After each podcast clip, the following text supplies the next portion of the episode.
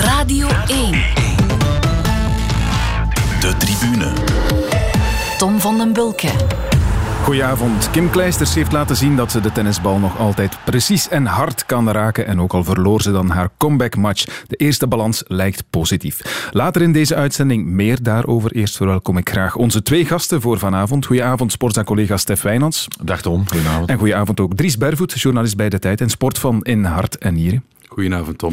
We hebben uh, heel wat te bespreken vanavond, dus ik stel voor dat we maar meteen beginnen met de momenten van de week. En we gaan beginnen met dat van jou, Stef, uit de Spaanse voetbalcompetitie. Deja para Hazard, puede llegar. Penalti, penalti. penalti. Por favor, pronúncianos exactamente bien para que lo hagamos a partir de ahora. Tu apellido es Eden Hazard, pero aquí es Hazard, pero en Bélgica es Hazard, Z, con Z. Eso es mucho más complicado. No, está tranquilo.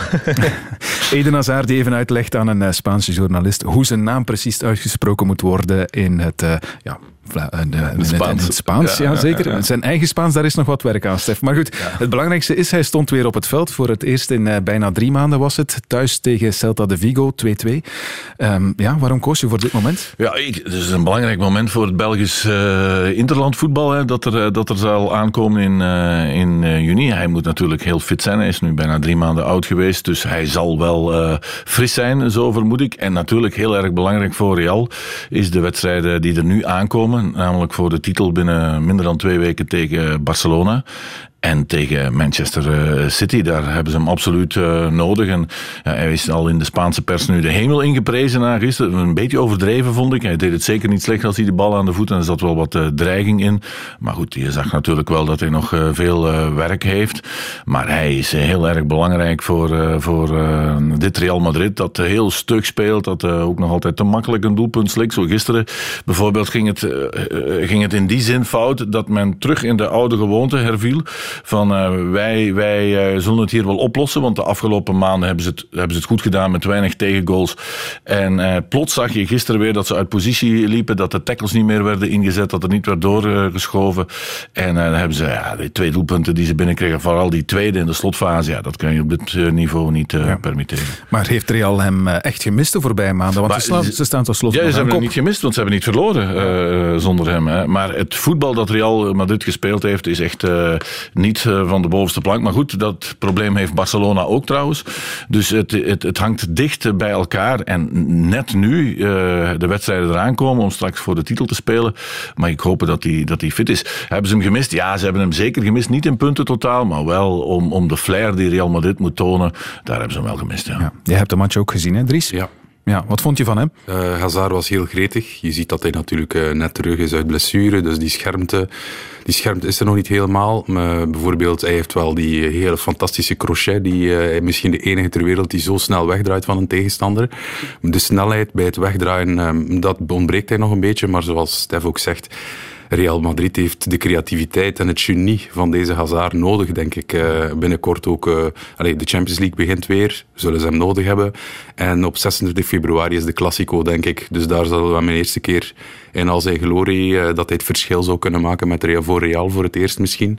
Eh, want de fans, ik weet niet of dat ze al helemaal overtuigd zijn van Hazard. Dus het wordt eens tijd dat hem ja, doet wat hij bij Ja, Chelsea is- gedaan Hij heeft. heeft hè. ook nog niet veel gespeeld Nee, nee, nee, natuurlijk. hij heeft nog niet Voilà, veel gespeeld. voilà. heeft er nog eens een wedstrijd niet gespeeld omdat hij voor de vierde keer vader werd, eh, eh, denk ik. Nee, ja, ja. En het was ook de periode waarin hij Real niet te veel de punten haalde dat hij speelde. Dus dat is een beetje vreemd. Maar ja, ze snakken echt naar een Galactico eh, bij, bij Real. En ja, Bale, als je die ziet eh, ronddwalen op een, op, een, op een voetbalveld, ja, ik begrijp ook niet. Ja, dat hij niet kiest voor, eh, voor een van die twee jonge Brazilianen aan de, aan, de- aan de andere kant vind ik ook heel erg vreemd. Maar goed, Zidane maakt wel vaker vreemde keuzes, vind ik. Dat is Wel, waar. de Real-fans zullen volgens mij een beetje moeten leren aanvaren dat die efficiëntie van Ronaldo 30, Ja, het is 40 goals, voorbij. Ja, dat dat met. Hazard niet zal lukken, maar dat hij een andere bijdrage aan het team zal kunnen hebben.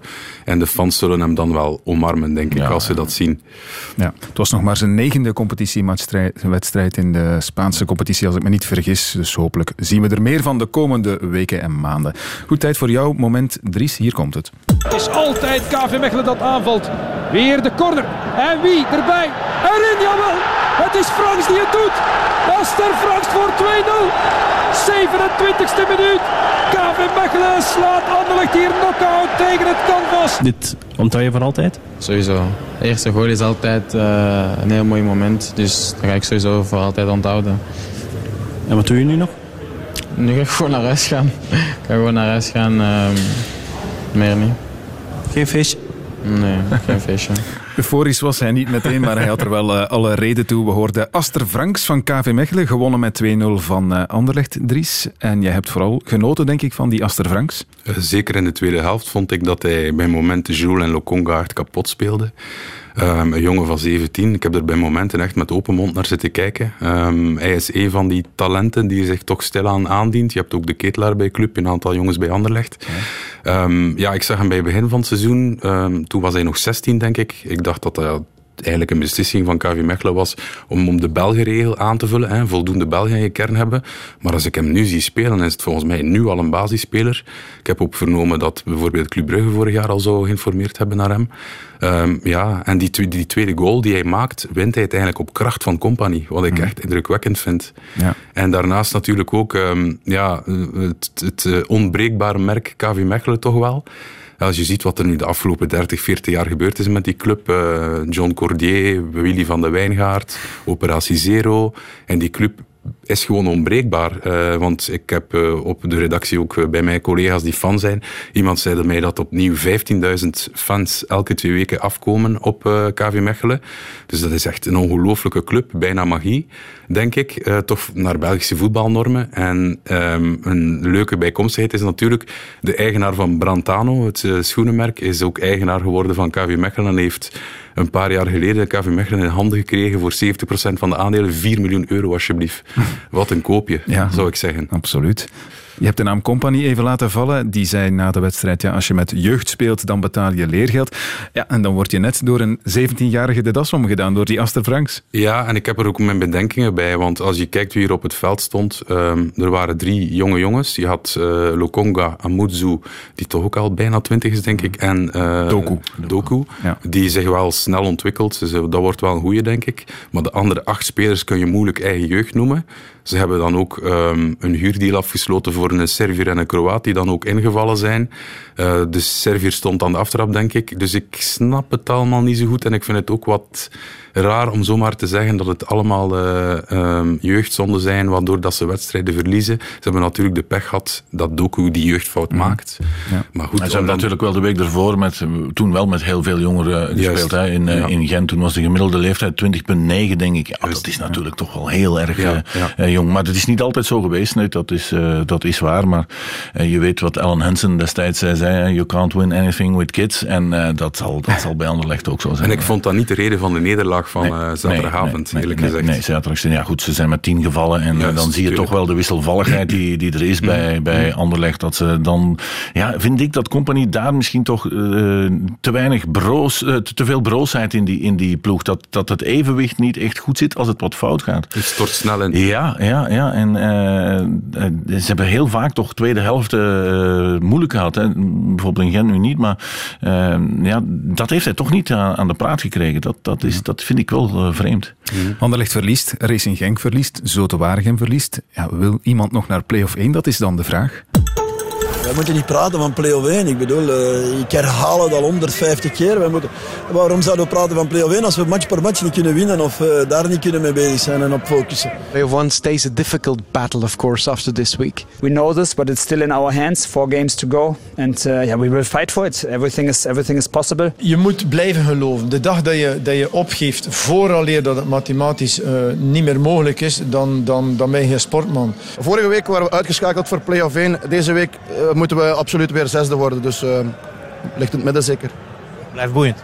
Blijft boeiend, dat wel. Het blijft zeker boeiend. We hoorden Wouter Franke, de coach van KV Mechelen, en daarvoor zijn collega's Frank Verkouteren, Hannes Wolf en uh, Frankie Dury. Stef, misschien eerst over Genk. Had een goede zaak kunnen doen, maar intussen ja. ook zonder Bergen, zonder Samatta is play-off 1 dan toch geen evidentie meer? Nee, nee eh, ze komen natuurlijk eh, tekort tegen de toppers. Ze hebben 4 op 12 gehaald nu tegen Charleroi, Brugge, denk ik, uh, en Gent. Ehm, en nu de voorbije twee wedstrijden, puntje tegen Antwerpen en, en nu Juist. verloren. Dus ja, tegen de top 4 komt men zeker tekort. Dus ze zullen blij mogen zijn dat ze zesde worden. Maar ja, je mag echt niet vergeten nu, van die voorste zes spelers van vorig jaar is alleen Ito nog over. En die was er gisteren de tweede helft ook niet meer bij.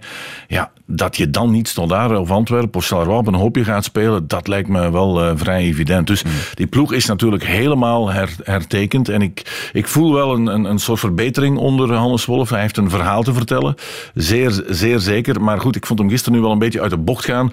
Doordat uh, dat hij die, die scheidsrechtelijke fouten, die er denk ik ook wel uh, waren, um, dat te snel, ja, te snel naar boven ja. haalt. En, maar ze hebben ongetwijfeld het voordeel. Kijk, als, als zij zelfs nog twee of drie keer verliezen van de volgende drie wedstrijden. Ja, in die laatste wedstrijd moet KV Mechelen komen. Ik ga er wel even van uit dat, dat Anderlecht, ja, dat die er toch, die hebben nog geen enkele, enkele keer drie keer na elkaar gewonnen. En die zouden nu dat plots vier keer gaan doen. Dat geloof ik niet. En Zultewaregem denk ik ook niet in staat. Dus ik denk echt dat het tussen Genk en KV Mechelen gaat. En dan zou eh, KV Mechelen toch al een voorsprong van minstens drie punten moeten hebben voor die laatste wedstrijd. Als ze naar Genk trekken. Want ja, goed, als het, als het echt om gaat tussen Genk en KV Mechelen in Genk, ja, dan, dan weet ik het nog niet zo. Ja, ik herhaal de vraag die ik hier al een paar keer gesteld heb in de tribune. Wie gelooft inderdaad nog in play-off 1 voor Anderlecht? Jij dus niet, Stef. Wat denk jij, Dries? Wel, als ik naar het programma kijk, hebben ze zeker nog een kans. Uh, ik zie Eupen, Waasland, Beveren, Zultewaregem en Sint-Truiden. Genk heeft een moeilijker programma. Um, vergeet ook Moeskroen niet. Die hebben eigenlijk ook uh, 33, 33, punten, eentje minder dan Anderlecht. Die gaan het toch niet meer halen? Nee, ik denk dat ik, Niet. Ja, die spelen nu tegen Cercle. Ze hebben een heel, ze hebben een heel simpel ja. programma. Cercle, ja, Eupen, Waasland, Beveren en wel laatste speeldag uit naar Antwerpen. Dat kun je wel zeggen. Dus ik denk ook uh, uiteindelijk Genk wel. En misschien ook KV Mechelen, ja. Waarom niet? En dan wordt het play-off 2 voor Anderlecht. Ja, Anderlecht supporter, als je er eentje bent, dan schaam je je toch kapot, of niet? Straks in play-off 2. Ik denk dat de Anderlecht supporters heel goed voorbereid zijn en weten wat komt. Uh, het is een uh, verhaal van een heel seizoen, misschien al een beetje van vorig seizoen al. Dus ja, je oogst ook een beetje wat je zaait, denk ik. Uh, het beleid schiet alle kanten op en de bestuurskamer schiet het alle kanten op. ja, dat is een beetje het gevolg van wat er allemaal gebeurd is, denk ik. En misschien hè, moeten we ook wel eens gaan denken dat dit niet meer het Anderlecht is wat het geweest is. Dat weten we dat dat op het veld is, maar ook daarbuiten niet meer. Hè. Het is niet meer de Brusselse aristocratie, het is niet meer de nummer één van, uh, van, van België. Nee, Anderlecht is, is uh, vervallen tot een ploeg die bij de top 7, top 8 hoort op dit ogenblik. En dan moeten ze bouwen. En het is niet omdat je een aantal grote namen die bijna niet gespeeld hebben trouwens. Uh, Shatley is, is, is, is, hoe vaak is hij geblesseerd? de, de andere jongen die van Manchester City komt, wiens naam... Nasri. Nasri, ja, bedoel, wat, wat is Nasri is het dieptepunt, denk ik. Dieptepunt toch, hè? gehaald is. Nee, Anderlecht heeft niks meer van die glorie die het, die het had vroeger. En ik denk dat we daar ook te vaak naar verwijzen. En mogen we dan de lat niet hoog leggen? Natuurlijk mogen we de lat voor Anderlecht wel hoog leggen, maar misschien is dat niet in heel de entourage en in de speelsgroep op dit moment uh, aanwezig. Dus ja, dat je dan niet bij de top 6 raakt, dat kan ik me voorstellen. De tribune. Je luistert inderdaad naar De Tribune. Mijn gasten zijn Stef Wijnands van Sportza en Dries Bervoet van De Tijd. En dit is ons volgende gespreksonderwerp. De televisievoetbalrechten tot 2025 gaan naar de betaalzender Eleven Sports. Maar A-agent en Antwerp zitten niet in het pakket. Meneer heeft u al bijgedraaid met betrekking tot het televisiecontract? Maar ik denk niet dat wij eens die moeten bijdragen. Nee. Ik denk dat zij eens die moeten bijdragen. Ze moeten solidair zijn en kijken wat dat we doen. Ik denk dat er niet meer over te zeggen is. Het televisiecontract voor de voetbalclubs was eh, vorige week haast elke dag in het nieuws. En ook vandaag opnieuw, dat hebben we daarnet nog gehoord. Want er is een akkoord met 23 van de 24 profclubs. 23 dus en niet langer uh, 22. Want A-agent is nu blijkbaar ook akkoord gegaan, Stef. Ja, uh, A-agent heeft bezwaren laten vallen. Ik heb begrepen dat het probleem van Telenet, waar ze partner van waren, dat dat vrij snel aan de kant is geschoven. En dat ze ook op de hoogte zijn gebracht dat er solvabiliteit zal zijn van Eleven. Hoe dat dan in elkaar zit, heb ik begrepen. Dat is nog niet helemaal duidelijk hoe dat moet geformuleerd worden. En een derde punt is dat ze toch dichter naar Anderlecht en Club Brugge kunnen, kunnen groeien, ook qua prestige. En dat dat Gent over de streep heeft getrokken. Ja, en dat betekent dat... Wel, volgens mij betekent dat, en ik heb ook even, even gebeld, dat het contract nu rond is. Want, Anderle want Antwerpen heeft in principe geen bezwaar tegen Eleven. Antwerpen heeft alleen maar een bezwaar over de verdeelsleutel. En volgens mij gaat dat niet richting Eleven, gaat dat richting Pro League. Dus ik denk dat, dat je nu kan stellen dat Eleven de, de rechten heeft. Tenzij, tenzij natuurlijk Antwerpen het been stijf houdt en niet op Eleven wil vertoond worden. Maar ja, goed, daar gaat het bij Antwerpen toch niet over. Mhm. Nee, het gaat inderdaad over die verdeelsleutel. Ja. Um, Dries, ja, het probleem van agenten, dat, dat had toch vooral met Eleven te maken, denken we. Ja, al is het een beetje moeilijk uh, om in te schatten wat nu precies uh, zijn rol speelde.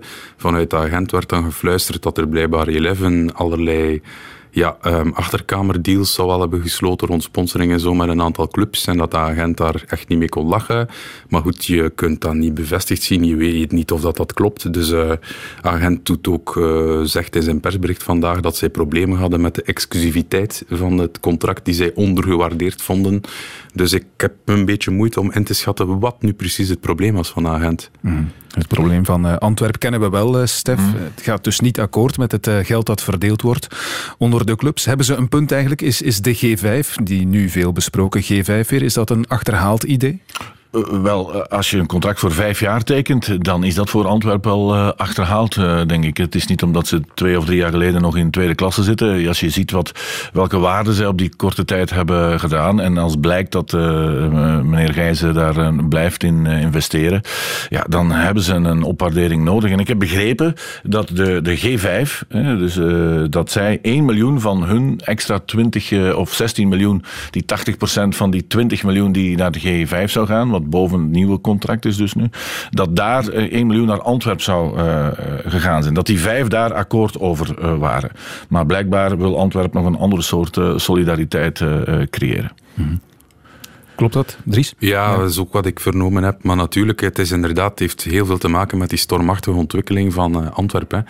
Um, ze zijn op twee, drie jaar tijd eigenlijk vanuit de onderste regionen van tweede klasse bijna doorgestoten naar um, eerste klasse, naar de top zelfs.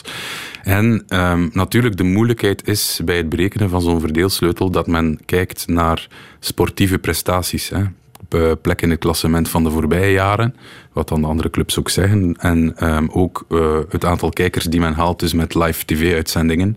Waardoor een aantal clubs natuurlijk zeggen van ja, um, Antwerpen wil al lopen voor ze kunnen stappen, want ze willen meer, meer, meer, maar er, zijn, er is die uh, mathematisch berekende verdeelsleutel. Anderzijds snap ik Antwerpen ook, omdat um, het contract voor vijf jaar geldt. En als Antwerpen nog eens vijf jaar moet wachten voor die uh, stormachtelijke ontwikkeling ja, vertaald wordt in die cijfers, ja. dan moeten ze wel een tijdje wachten. En ik heb ook vernomen dat meneer um, Donofrio, wat ik niet wist, blijkbaar heel goed op de hoogte is van tv-deals. Want hij zou blijkbaar in de tijd, ik heb vorige week vrijdag iemand gesproken daarover, zou hij nog in Portugal, toen hij daar werkte, betrokken zijn geweest bij de verkoop van tv-rechten. Mm -hmm. Dus onderschat ook Antwerpen niet uh, de kennis en de kwaliteit die daar zit bij de mensen die meneer uh, Gijzes aan boord heeft gehaald. Dus ik, ik weet nog niet hoe, het, hoe dit zal uitdragen. Ja, maar... vergeet, ja, vergeet niet dat uh, Donofrio ook dwars lag destijds bij Standaard. Daar zijn een paar ja. keer in 2011, ja. heeft men ook heel lang gewacht. Heeft Standaard ook gedreigd om hun, hun rechten individueel te verkopen. Daar zat Donofrio toen, toen ook mee achter. Dus Donofrio weet zeer, zeer, zeer goed wat, er, wat er staat te gebeuren. En, en zij, zij gaan het spel hard spelen.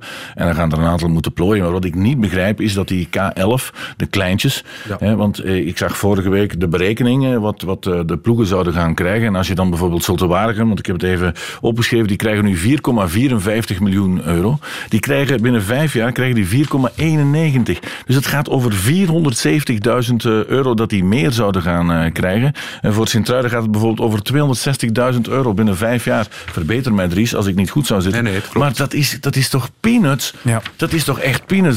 Daar, daar lachen die Japanners mee hoor, met 260.000 euro. Ik wil maar zeggen, als het tv-contract echt zo belangrijk is voor, voor die K11, dan vind ik dat die dat eigenlijk heel erg makkelijk allemaal hebben ondertekend. Dus ik denk dat die zich aanhaken bij die, bij die grote, dat er daar ook afspraken rond uh, zijn. En uh, wat die precies zijn, dat weet ik niet. Maar... Terwijl de, de winst voor uh, grotere clubs, ja. zeg maar wat, Club Brugge in de loop van die vijf jaar wel ja, maar terecht, substantieel dat, hoger dat, wordt. Terecht groter dat die veel groter ja. wordt. Maar dit gaat toch nergens over? Dit nee. gaat over 250.000 euro op vijf jaar. Misschien zijn er wat afspraken gemaakt, ik weet het niet. Misschien toekomstige Beneliga, wie er wel, wie wel en niet zal bij zijn. Ik speculeer maar, hè, want, maar ik vond het ook vreemd, want ik had vernomen dat eerst dat men toch een aantal van die kleintjes, K11, onder meer, ik had begrepen Kortrijk ook, want meneer Alijn zit wel in de raad van bestuur.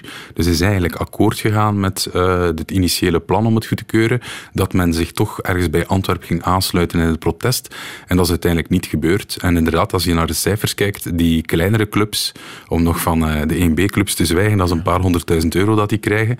Uh, die kleinere clubs van de K11, dat die toch ja, inderdaad bekaaid eruit komen en zich daarbij neerleggen blijkbaar. Ja, dan Charleroi, dat is natuurlijk wel weer een interessante case. Mm -hmm. Die gaan dan daarin mee, terwijl die natuurlijk in het Waalse land wel wat uh, betekenen, die ook steeds meer uh, supporters krijgen, die het, goed, die het goed doen. Maar dan heb je dus de rol van Mehdi Bayat als bondsvoorzitter.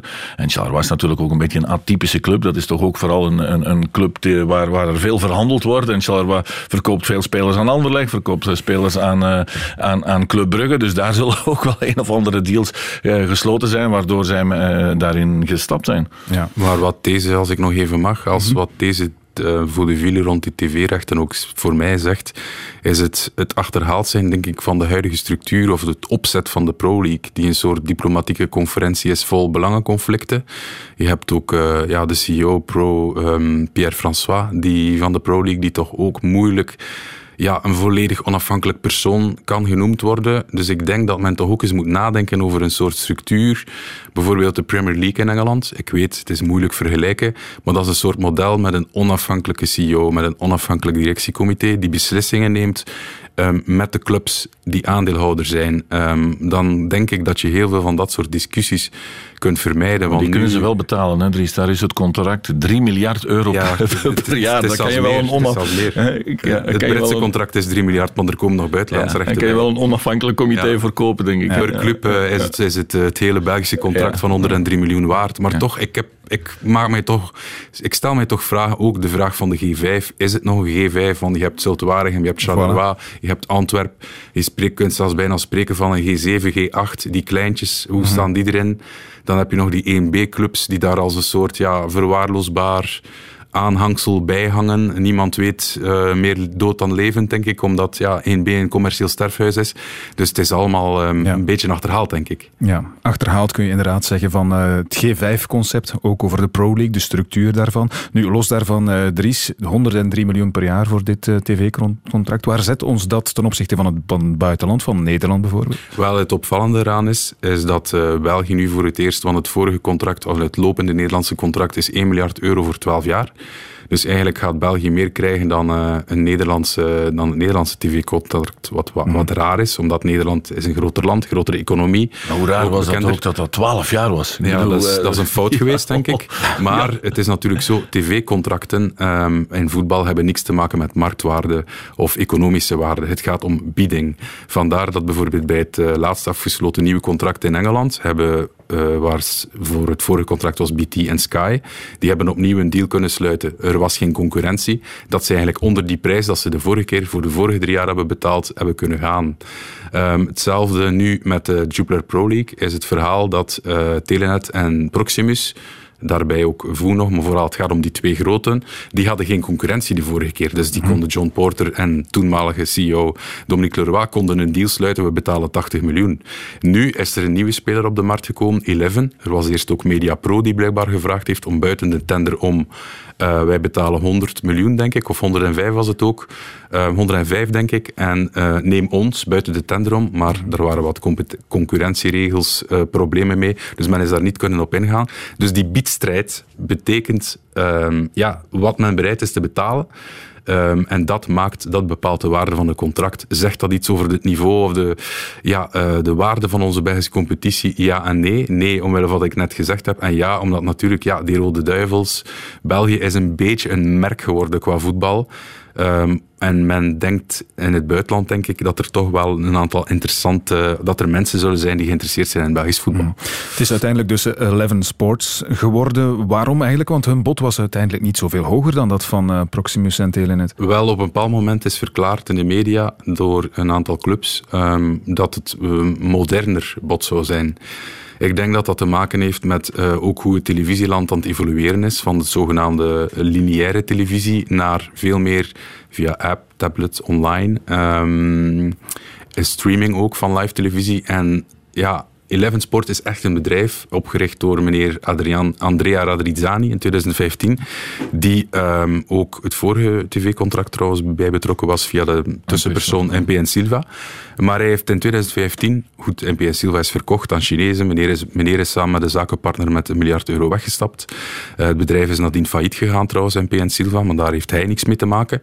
Um, maar wat het wel is, is dat um, Eleven Sports een soort nieuw, moderne versie is van NPN Silva, die veel meer een zakenmodel heeft die geënt is op die nieuwe tv-wereld, met streaming, met uh, live clips, met uh, heel, um, heel digitaal, heel online. En ik denk dat zij uh, daar met Belgisch voetbal ook heel veel uh, gaan experimenteren, nieuwe dingen doen. Ze willen blijkbaar ook zelf de productie in handen nemen, omdat ze denken dat ze daar ook geld mee kunnen verdienen. Een voorbeeld die Eleven mij gegeven heeft, is dat zij recent een, uh, een kleine mini-documentaire hebben gemaakt over La Masia, de jeugdacademie van Barcelona. En dat zij dat nu verkocht hebben aan, um, aan La Liga, de Spaanse competitie. Dus in dat soort, bijvoorbeeld Jordan Lukaku ook, die dit weekend een interview heeft gegeven, die toch in wat media, andere media opgepikt is, is door Eleven gemaakt. Dus ik denk dat zij dat ook bieden aan de clubs om um, op die manier nieuwe dingen te gaan doen die men ook via sociale media kan verspreiden en zo. En daar hebben zij denk ik een beetje het voordeel op uh, Proximus en, en, Telenet. Al hebben ze ze wel nodig voorlopig nog, omdat die nieuwe ja, stap naar ja. de nieuwe wereld nog niet gemaakt is. Want, want ik, geloof, ja, ik geloof nooit dat die over de top, dat dat in, uh, dat dat in België zo meteen uh, zal, nee. zal... Nee, dat klopt. Uh, dus dat je een, een, button hebt waar je meteen uh, kan naartoe gaan op je eigen televisie, zoals, zoals Netflix. Ik denk dat ze gewoon uh, Telenet en Proximus sowieso gaan nodig hebben. Het interessant wordt natuurlijk nu van hoeveel gaan die betalen. Hoeveel gaat Telenet en uh, Proximus betalen aan Eleven, opdat Eleven dat op hun platformen gaat uitzenden. En ik denk niet dat, dat die er allebei 40 of 50 miljoen gaan voor, voor, voor, voor neerleggen. Want als je snel een berekening maakt, stel dat ze, dat ze 50.000 abonnees zouden verliezen door, door het voetbal. Want ik heb begrepen dat bij Telenet het vooral mannelijk en boven de 50 is die, die dat hebben. Dus de jongeren gaan ze, gaan ze daar al niet uh, mee, mee bereiken. Als je er 50.000 verliest aan 20 euro per maand, uh, dan, dan uh, denk ik dat die prijs nog veel lager ligt dan wat ze zouden moeten betalen aan, aan, aan Eleven. Dus ik denk dat de onderhandelingen tussen Eleven en de providers, dat dat nog zeer hard is. Want vergeet niet, toen Eleven de Spaanse voetbal had gekocht een paar jaar geleden, heeft het, hadden ze vrij snel een akkoord met Proximus, maar niet bij, met Telenet. En het heeft maanden geduurd eer het Spaans voetbal op, uh, op Telenet uh, te zien was. Dus uh, daar gaat nog een hartig woordje over gesproken Wel, ik heb het dit weekend in de krant ook de schorpioen op de rug van Telenet en Proximus genoemd, omdat Telenet en Proximus volgens mij ook uh, schrik hebben dat uh, op dit moment, uh, als ze nog in zee gaan met, die, met dat 11, dat die dus op hun kanalen alle ruimte krijgen om uit te zenden, tot op een dag dat misschien die shift naar online, van lineair naar online, vijf, tien jaar in de toekomst, er wel zal gemaakt worden, waardoor dat 11 dan de, de, als schorpioen een prik geeft en veilig op de kant springt en alleen verder gaat. Ja. Dus ik denk dat John Porter daar ook heel goed over nadenkt. Ja, wat de mensen uiteindelijk vooral interesseert, denk ik, Stef, is, is waar kunnen we het voetbal zien? Wat gaat ons dat kosten? Is dat nu al een beetje duidelijk? Helemaal niet, denk ik. Maar bestaat de kans bijvoorbeeld dat we straks kunnen voetbal kijken op zowel Telenet als Proximus, als Eleven, gaan die dat alle, alle drie met z'n drieën hetzelfde doen? Dat, dat scenario zit erin? Of, of? Uh, ja, maar goed, je kon nu Eleven zowel op Telenet ja, als, okay. als op Proximus zien. Dus, dus je hebt uh, aan, aan, zich, uh, aan Telenet heb je, heb je niks als programmamaker. Nee. Dat, dat, kan, dat kan Eleven gaan maken. Je gaat daar een, een prijs voor betalen, maar de vraag is ook waar gaan de mensen de samenvattingen bijvoorbeeld te zien krijgen? Want nu kan dat naar, naar de VRT of naar VTM of naar 4 gaan. Maar Eleven kan het bijvoorbeeld ook op een eigen zender zetten. En, dan, ik, ja. en dan de samenvattingen ja. toch openzetten voor het, uh, voor het publiek, maar de live wedstrijden uh, niet. Maar ja, dan moeten, hebben ze nog Telenet of Proximus uh, nodig.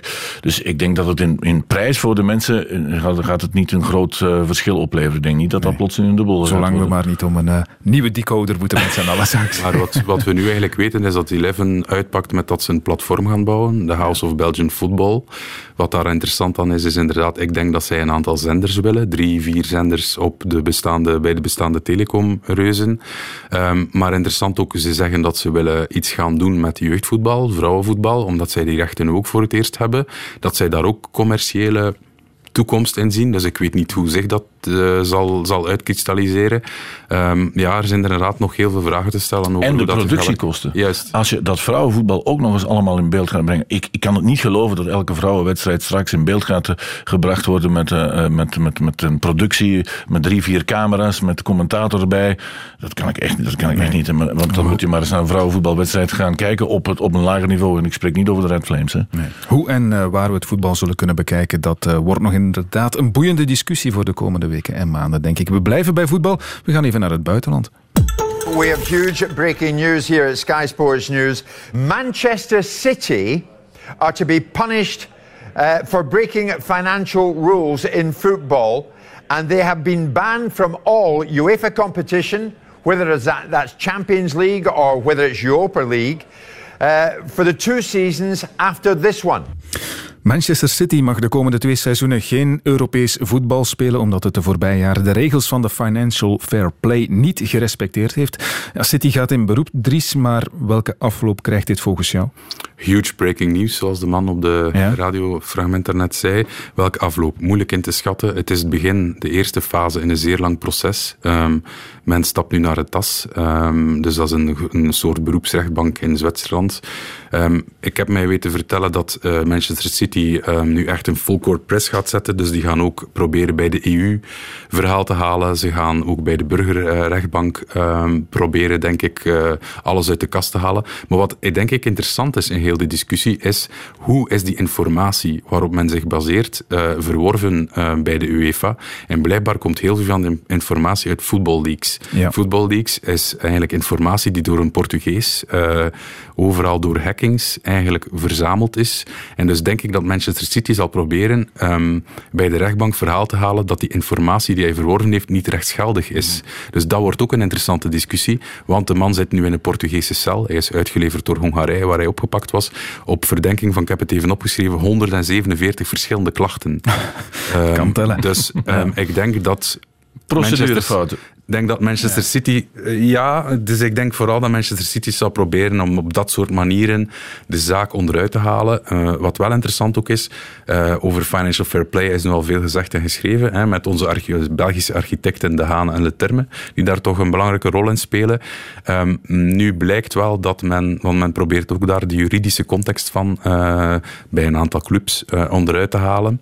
Um, maar nu, ik hoor wel dat men toch vanuit, bij, vanuit EU-commissie laat verstaan dat die FFP-regels, dat dat wel conform EU-wetgeving is. Dus het wordt een zeer interessante juridische case, denk ik. Er zal nog wel wat geld over zijn voor een dosis uh, goede advocaten, denk ik, bij Manchester ja, City. In elk geval, Stef, als dit, als dit blijft wat het is, deze uitspraak, dan heeft City wel een heel groot probleem, toch?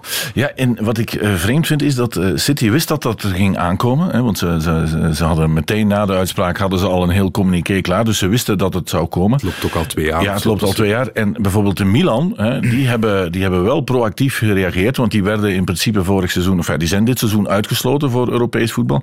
Maar die hebben een deal gesloten met de, de de UEFA.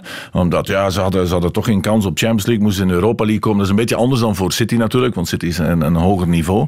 Maar die hebben een deal gesloten met de UEFA door, ja, we blijven nu een jaar weg. En daardoor was wat, ze mochten maximaal, denk ik, 120 miljoen verlies uh, leiden, uh, Milan. En mm-hmm. om, dat weg, om dat weg te hebben. En dat City daar niet heeft op ingegrepen. Terwijl PSG heeft natuurlijk ook wel wat, uh, wat combines gesloten om dat weg te krijgen. Dus ja, ik vrees dat ze, dat ze toch wel gaan gaan, eh, gaan, eh, gaan liggen hebben hoor. Eh, En dan, en dan heb je inderdaad een groot probleem City zijnde. Je zit ook met die hele kern van sterspelers. Ja, sorry hoor, Tom, maar het wordt, toch, het wordt hoog tijd dat, dat, dat de regels gevolgd worden. En als je niet meer kan uitgeven dan wat er inkomt, op een bepaald moment ga je er toch, ga je er toch over. Of waar, gaan, waar gaat dit allemaal eindigen? Daar ben ik het mee eens, inderdaad. Ja. Alleen is de vraag ook, wat betekent dit voor bijvoorbeeld een Kevin De Bruyne?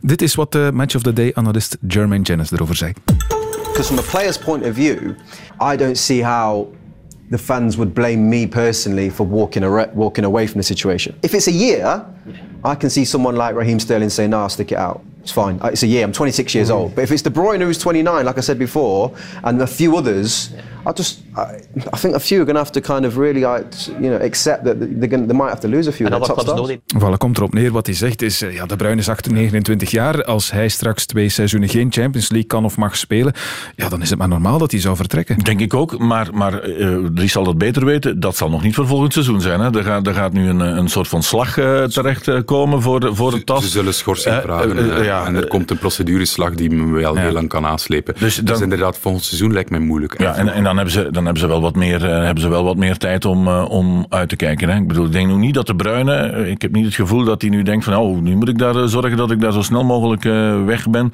Dat denk ik nu nog niet, want er gaan nog, eh, eh, daar gaat een batterij advocaten opgezet worden. Daar vanuit Abu Dhabi zullen de allerbeste van de hele wereld zullen op die procedures gaan, eh, verschijnen, op die processen gaan verschijnen. En daar gaat wel een of andere deal uitkomen. Maar goed, het wordt natuurlijk wel tijd dat er paal en perk wordt gesteld eh, aan, aan, eh, aan het opbod. Eh, want ja, waar gaat het anders eindigen? Ja, in dat verband trouwens, eh, Dries, als Manchester City gestraft wordt, dan verwacht je bijna hetzelfde automatisch voor Paris Saint-Germain. Maar PSG is de dans ontlopen. Hoe, hoe kan dat eigenlijk? Zij hebben op een bepaald moment, eh, het is een heel complex verhaal, maar zij hebben op een bepaald moment procedurefouten gepleit bij het TAS. En zij hebben dat gehaald omdat er discussie was tussen Yves Le Terme, die de procureur is, en dan de eigenlijke rechtbank van UEFA.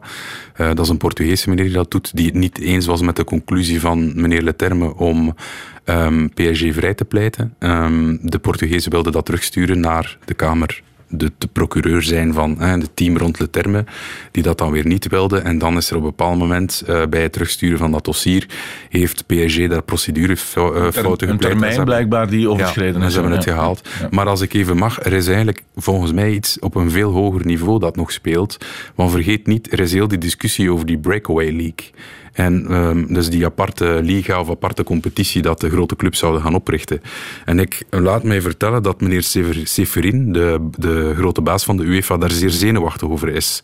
Dus als hij zomaar... ehm, ik snap dat men inderdaad... Hij is een jurist, denk ik, dus hij wil wel eh paal en perk stellen en daar streng zijn voor clubs, dat iedereen de regels volgt, op zich begrijpelijk. Maar op bepaald moment natuurlijk heb je het punt dat die clubs ze gaan ehm, ja, druk zetten van als je ons blijft zo lastigvallen, dan zijn wij weg. Hè? En we hebben bond, genoeg bondgenoten om te vertrekken. UEFA haalt daar miljarden euro's inkomsten uit die clubs, dus zo evident ligt dat allemaal niet. Er is de FIFA die op de loer ligt om zijn eigen wereldcompetitie te starten, waar ik zelf niet zoveel geloof in heb, maar meneer Infantino wil ook zijn ding doen. Dus meneer Seferin staat daar van alle kanten onder druk. Dus zomaar Man City ehm, twee jaar gaan schorsen, lijkt mij niet evident. Oké, Stef, dat doet jij even met je telefoon. De Siri sprong aan. Tom. Oké. Weet niet wat Dries zei dat Siri eh, heeft opgepakt. maar- Siri hoeft de vragen niet te beantwoorden. Ik eh, blijf ze aan jullie stellen. Eh, Dries, ik wil toch nog even de, de sprong maken naar het Belgisch voetbal. Want het gaat uiteindelijk altijd weer maar over geld, over vele miljoenen. Yes. In dat verband konden we vorige week nog lezen. 87 miljoen euro verlies voor de profclubs. Een recordverlies blijkbaar. Maar wat zegt dit nu over het Belgische voetbal? Ik moet misschien even kaderen, dit, dit bedrag. Eh, Ik vind het moeilijk, omdat ik eh, moeite heb om alle eh, clubs, de 24, eh, G5, K11 en eh, eh, 1B. Er zit één club niet bij, omdat die nog geen twee jaar, dacht ik, in profvoetbal zaten. Dus het gaat om 23 clubs. Ehm Virton, juist. Ehm, ik vind de alle verliezen, want elke club heeft zijn verhaal. Bijvoorbeeld Antwerpen staat op 10 miljoen verlies, maar dat is een verhaal van een club die enorm aan het investeren is, die uit het niets eigenlijk een business creëert Ja. en die dan de komende jaren wil gaan oogsten. Bij Standaard zitten de transfers van Ginepo en Marine er niet in. Dus ja... Bij ehm, Genk, bij Genk eh, van dit jaar eh, zit er nog Champions in, Ja, de Champions League en de transfers van dit seizoen. Dus Ja. volgend jaar kan dat, eh, kan dat bedrag helemaal anders zijn. Maar ik denk dat er een vergissing is gebeurd in de zin van de mediaberichtgeving. Ehm, dat men dat als nieuws heeft opgepikt, terwijl het eigenlijk een pure publicatie was van de Voetbalbond en de licentiecommissie, omdat waar we het net over hebben, financial fair play, geldt ehm, Europese financial fair play gaat puur om het deelnemen aan Europese competities, dus Europa League en Champions League. Maar België voert ook zijn, onze licentiecommissie ook zijn vorm in. En die cijfers zijn nodig om al die berekeningen te doen, om Belgische clubs te gaan toetsen of zij dan in Belgisch voetbal mogen uitkomen eh, met een, eh, met, eh, dat zij voldoen aan die fair play regels. Dus op- zich is het nieuws eerder dat men cijfers heeft gepubliceerd met vooruitzicht op fa- fair play, dan puur dat cijfer van die 87 miljoen verlies. Wat op zich iets zegt, denk ik. Maar je moet club per club nemen. En ehm, het zegt volgens mij wel dat er te veel profclubs in België zijn. Ja, Dat, neemt niet, dat neemt toch ook niet weg dat er een enorm probleem is bij, bij de clubs. Als je, als je de gemiddelde loon van de speler, wat is het nu, 335 of 338.000 eh, euro van een, van een speler in België. Ja, goed, eh, ze krijgen bijna 70 miljoen eh, RSZ in, in de schoot Ja, eh, geworpen. Eh, de bedrijfsvoorheffing eh, is voor hen. De niet-EU-spelers, als, als ze daar een boom gaan opzetten. Je kan hier in 1B, eh, dat zou eigenlijk een, een soort van opleidingscompetitie moeten zijn. Dat zit allemaal vol buitenlanders. Omdat je voor 80.000 euro kan je een buitenlander kopen. Als je dat in Nederland wil doen, dan moet je 150% van het gemiddelde loon. Dan zit je aan 400 of 420.000 euro. Ja, er zijn geen spelers die, die daarvoor gehaald worden bijna. Dus eh, ja, we moeten toch hertekenen van wat, wat al jarenlang eigenlijk eh, gesubsidieerd en gesteund wordt door, de- door de overheid. Daar moeten de clubs toch rekening mee houden. Kort nog, Dries, ehm, omdat je spreekt, Stef, over dat eh, fiscale voordeel, fiscaal cadeau, zeg maar, via de RSZ, dat de clubs elk jaar krijgen. Het expertenpanel is daar ook over eh, samengekomen de voorbije weken en maanden en heeft een eh, rapport klaar. Blijkbaar is het de bedoeling dat er niet te veel geraakt wordt aan dat RSZ-voordeel. Het is genuanceerd, want zij doen wel een aantal voorstellen rond inderdaad het gunstregime fiscaal en sociaal, hè, sociaal zekerheidsbijdragen en eh, bedrijfsvoorheffing willen ze behouden, maar zetten daar tegenover een aantal ehm, elementen in ruil, zoals belastingen op makelaars, belastingen op transferwinsten, waar dat zij toch eh 25 miljoen per jaar willen gaan uithalen als compensatie. Maar ik denk dat, eh, wat ik weer raar vind, is eh een van het expertenpanel wordt geleid door meneer Van Lanotte, Johan Van Lanotte, die toch wel de nodige politieke ervaring heeft. Eh, minister van Staat ook is, denk ik, als ik het goed heb. Ehm, dat zij onderschatten de politiek, die er nu al ehm, een aantal maanden of iets langer sinds Operatie Zero eigenlijk mee op de borst klopt, heeft een trofee nodig.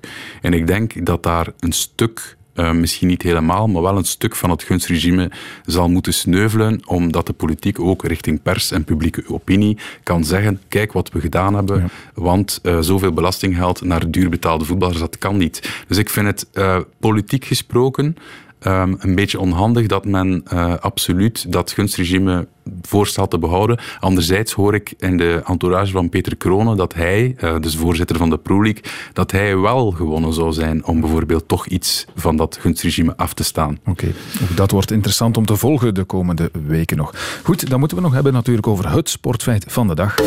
De tribune. En dat had hiermee te maken. Well, that is such an impressive performance from Garbinier Muguruza, and the point is, it had to be because the challenge from the returning Kim Kleisters was a mighty one, especially in that second set. And she forced the world number 16 to play some of her very best tennis. De eerste wedstrijd van Kim Kleisters tegen Garbine Muguruza, nummer 16 van de wereld. Geëindigd op een 6-2 en 7-6 overwinning voor Muguruza. Maar wat is het verhaal achter die cijfers? Collega Inge van Meensel was erbij in Dubai en eh, gaf aan de telefoon daarnet meer uitleg bij die match van Kleisters. De wedstrijd die begon wat aarzelend voor Kim. Ze verloor meteen haar eerste opslagbeurt. Je zag wel heel af en toe die al in die eerste set. Toen het dan 3-0 werd voor Muguruza in de tweede set, dachten we oei, nu zakt het ineen. Je zag wat frustratie komen bij Kim. Je zag dat ze wist waar die bal eigenlijk moest komen, maar dat het door dat gebrek aan wedstrijdritme gewoon nog niet lukte. En dan ineens keerde die match heel gek en je zag Muguruza beginnen te twijfelen, want ja, dat wil je toch niet eh, overkomen, hè? dat je in de eerste Mhm. match van eh, Kim Kleisters verliest tegen een levende legende, dat wel in de tenniswereld dan toch, maar dat je niet voor hebben. Dus Ja. eh, je zag die twijfelen, het kwam tot een tiebreak. Hele mooie punten gezien van Kim, nog wat eh, precisie miste, uiteraard. Er waren wat foutjes, dubbele fouten vooral ook. Maar kijk, dit is veelbelovend, die eerste wedstrijd van Kim Kleisters. Als ze nog wat fitter is, nog wat sterker wordt en gewoon nog meer matchen speelt, nou, dan kan zij opnieuw mee. Dat zeg ik eigenlijk nu al. Ik ben misschien wat enthousiast, maar ik geloof er eigenlijk echt wel in. Fysiek, dat was eh, de grote vraag, of toch een van de grote vragen op voorhand. Kreeg ze het allemaal belopen, inderdaad? Want ja, het, het is toch wel iets anders natuurlijk, een wedstrijd in vergelijking met een training. Absoluut. En dat moet ze nog leren, dat mist ze nog wat. Ze zei vooraf al, kijk, ik, ik zie nog niet helemaal goed waar die bal eigenlijk moet komen. Moet ik nu op voorhand, op een backhand slaan? Maar fysiek had ik het gevoel dat ze niet superveel problemen had. Ik heb goede rallies van haar gezien, maar ja, op sommige momenten stond ze nog niet goed gepositioneerd en dan ging die bal ver uit, soms wel eens. Maar uh, ik denk dat dat allemaal in orde komt. Hè. De, de, die, die matchen leren spelen, ja, dat, dat moet gewoon nog gebeuren. Maar dat, dat komt volgens mij wel goed. Geef haar wat tijd, heb wat geduld. Ja, Inge, zeven jaar geen officiële match gespeeld dan, eh, Kim Kleisters. En toch al dit, Muguruza in de problemen brengen in die tweede set. Er zijn dan ook mensen die zich vragen stellen bij de sport. Want Muguruza is tenslotte toch de finaliste van de laatste Australian Open. Wat zegt dat dan?